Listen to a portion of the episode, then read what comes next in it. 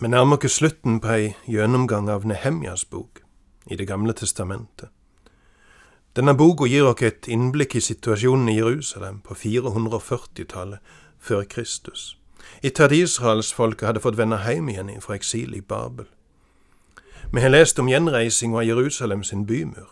Vi har lest om et oppgjør med hjerteløse utnytting av fattigfolk, om feiring av ulike jødiske høgtider og om en inderlig og djuptgripende reform av gudslivet, om flytting av folk til Jerusalem for å øke byen sin forsvarsevne, og om innviinga av den gjenoppbygde muren. Vi kommer nå til det siste kapittelet, kapittel 13, og vi leser fra vers 1. Denne dagen ble det lest opp av Moseboken for folkets ører. Der sto det skrevet at ingen ammonitt eller moabitt noen gang måtte komme inn i Guds forsamling. For de møtte ikke israelittene med brød og vann, og de leide Biliam til å forbanne dem. Men vår Gud vendte forbannelsen om til velsignelse. Da de hørte det som sto i loven, skilte de alle av blandet opphav ut fra Israel. En tid før dette hendte, hadde presten Eliashib, en slektning av Tobia, fått tilsyn med rommene i Guds hus. Han gjorde i stand et stort rom til Tobia, der de tidligere hadde lagt inn grødofferet, røkelsen, tempelutstyret og tienden av korn, ny vin og fin olje, etter påbudet for levittene, sangerne og portvaktene. Gavene til prestene var også lagret der. Mens alt dette skjedde, var jeg ikke i Jerusalem. For i det 32. året Artaxerxes var konge i Babel, hadde jeg reist til ham. Etter en tid ba jeg kongen om tillatelse til å dra tilbake. Da jeg kom til Jerusalem, ble jeg klar over det onde som Eliashib hadde gjort da han laget et rom for Tobia i forgårdene til Guds hus. Jeg ble svært opprørt og kastet alle eiendelene til Tobia ut av rommet. Så sa jeg at de skulle rense rommet, og jeg førte tilbake utstyret fra Guds hus, grødeofferet og røkelsen. Jeg fikk også vite at levittene ikke hadde fått det de skulle ha, og at de derfor hadde dratt tilbake, hver til sine marker, både de og sangerne som skulle gjøre tjeneste. Jeg irettesatte stormennene og spurte, Hvorfor har Guds hus blitt forlatt? Jeg samlet levittene og satte dem inn igjen i stillingene sine. Så førte hele Juda tienden av korn, ny vin og fin olje til lagrene. Jeg satte presten Sjelemia, Sadok, den skriftlærde, og Pedaya, en av levittene, til å ha tilsyn med lagerrommene. Og Hanan, sønn av Sakkur, sønn av Matanya, skulle gå dem til hånde, for de ble regnet for å være pålitelige. Nå skulle de sørge for at brødrene deres fikk sin del. Husk meg, min Gud, for dette. Stryk ikke ut det gode jeg har gjort for min Guds hus og for tjenesten der.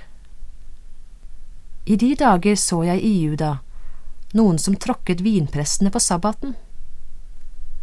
Jeg så andre som samlet korn i mengder og lesset det på esler. De førte også vin, druer, fikener og andre varer til Jerusalem på sabbaten. Jeg advarte dem mot å selge mat på den dagen. Noen fra Tyros, som bodde i Jerusalem, kom også med fisk og alle slags varer, og solgte det til judeerne på sabbaten.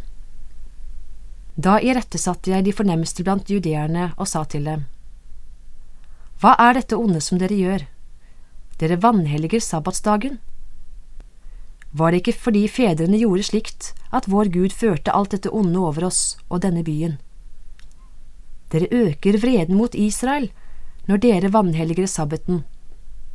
Da det begynte å mørkne i Jerusalems porter før sabbaten, sa jeg at dørene skulle stenges, og at de ikke skulle åpnes igjen før sabbaten var over.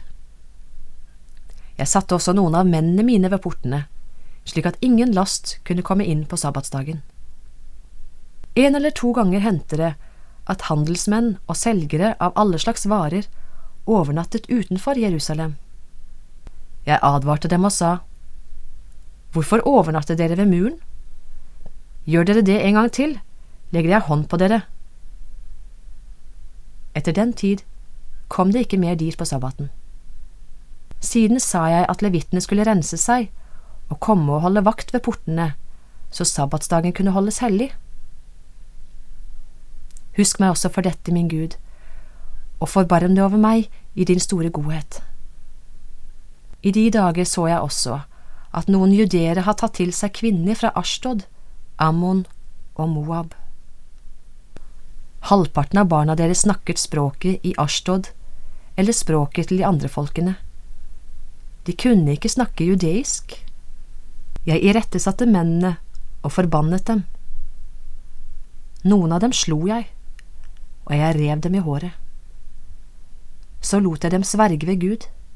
Jeg sa, Dere skal ikke gi døtrene deres til de andres sønner, eller ta noen av de andres døtre til koner for sønnene deres eller for dere selv.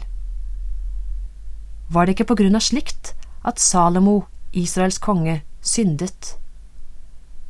Blant de mange folkeslagene fantes det ingen konge som ham.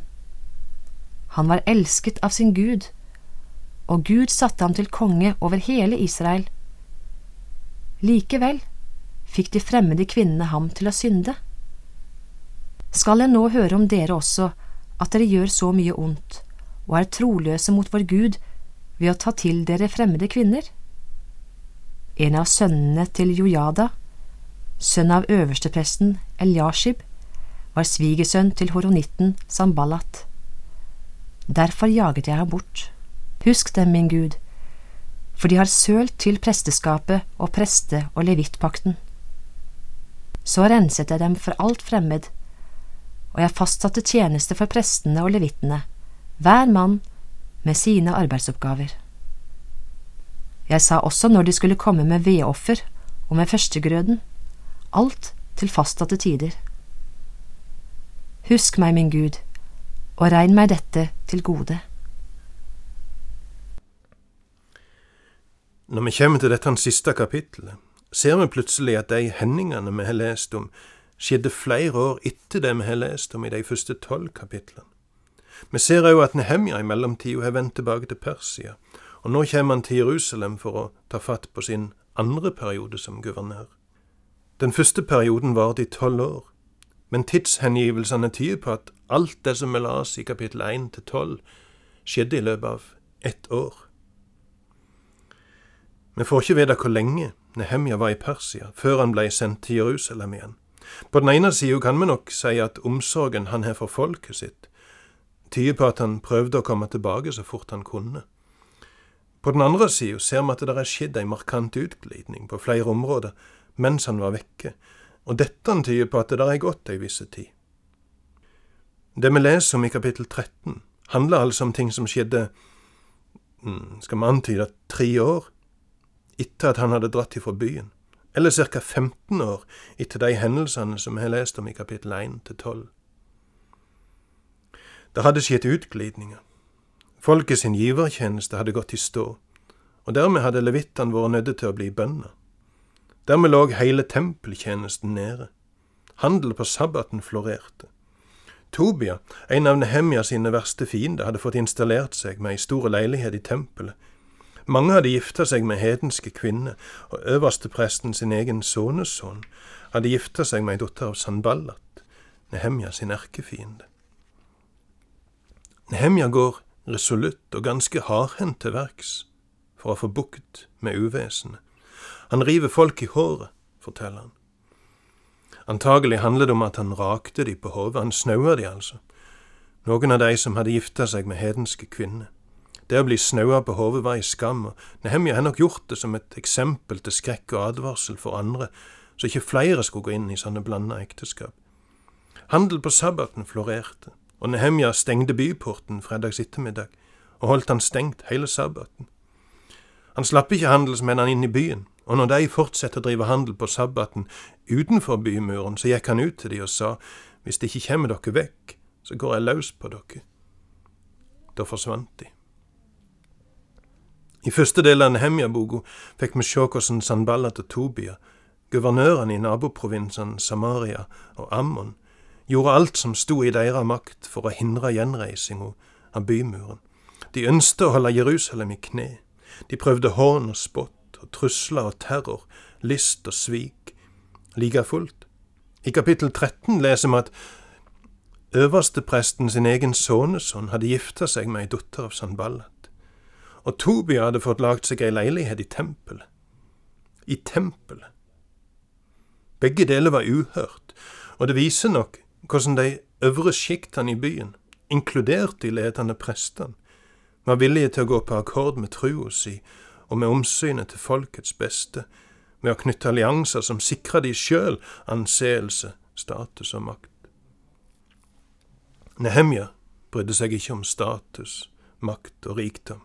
Han brydde seg kun om folket sitt beste og om det som var rett og galt. Så han utviste barnebarnet til øverstepresten. Han jakte han regelrett ifra byen. Og pikkpakket til Tobia heiv han ut på gata. Det han gjør er så resolutt og så udiplomatisk at folk må ha stande med hageslepp og sitt på. Hvis vi prøver å se for oss det som skjedde, aner vi gjerne hvor sjokkerende det var. Denne hemja gjorde, virker bøllete. Vi kan forstå det hvis ei tankeløse bølle går fram sånn som Nehemja gjorde, men var han ei bølle? Ingenting av det vi har lest tidligere i boka, gir det inntrykket. Tvert imot er han en som tenker seg grundig om før han handler. Nå, ca. 2500 år etterpå, har vi tilgang på opplysninger som møysommelig er samla av arkeologer og historikere. Nå veit vi at ca. 100 år før de hendelsene som vi leser om her i Nehemja-boka, hadde noen greske handelsmenn installert seg og innlosjert seg i et tempel i Egypt. Tempelet til en guddom som ble kalla for Neith. Beskjeden ifra perserkongen den gang hadde vært å kaste de ut. Og det er sannsynlig at Nehemja på bakgrunn av den stillingen han hadde ved hoffet i Persia, kjente til denne hendelsen. Dermed visste han hva perserkongene mente om det som Tobia hadde gjort, og han kunne sporenstreks gå inn i leiligheten hans i tempelet og kaste ut hele flyttelasset på gata. Det som hadde skjedd hundre år tidligere i Egypt, dannet presedens. Det viste hva kongen mente en skulle gjøre i sånne saker. Nehemja visste òg hva som sto i det skrivet som folket sine ledere hadde skrevet under på noen år tidligere. Der hadde de forplikta seg på å ikke inngå blanda ekteskap, og ikke handle på sabbaten. Da Nehemja konfronterte folket, her i kapittel 13, kunne han holde opp det skrivet de sjøl hadde signert, og folket sto dømte, ikke bare ut ifra Bibelen, men ut ifra sine egne løfter. Det er altså ikke ei bølle vi møter her i Nehemja 13 men en persiske hoffmann som kjente persisk lovgivning og politikk. En gudfryktige mann som ville leve og styre etter Guds ord. Og en leder som kjente sitt folk og deres historie.